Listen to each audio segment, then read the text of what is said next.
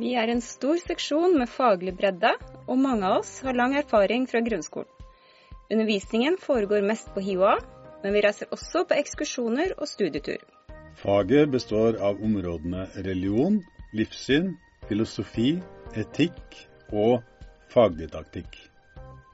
Religion, livssyn og etikk er viktige begreper for å forstå dagens kultur og samfunn. RLE-faget handler om religioner og livssyn, hvordan de har oppstått og hvordan de blir praktisert i dag. Faget gir også et innblikk i filosofi og tar opp etiske utfordringer. RLE ved Høgskolen i Oslo har særlig blikk på interkulturelle møter mellom elever i grunnskolen og på mangfold og inkludering. I RLE tar vi opp hvordan religioner og livssyn kommer til uttrykk i tekster, kunst, arkitektur, musikk, ritualer og sosial praksis. Det er grunnen til at vi drar på ekskursjoner til hellige hus.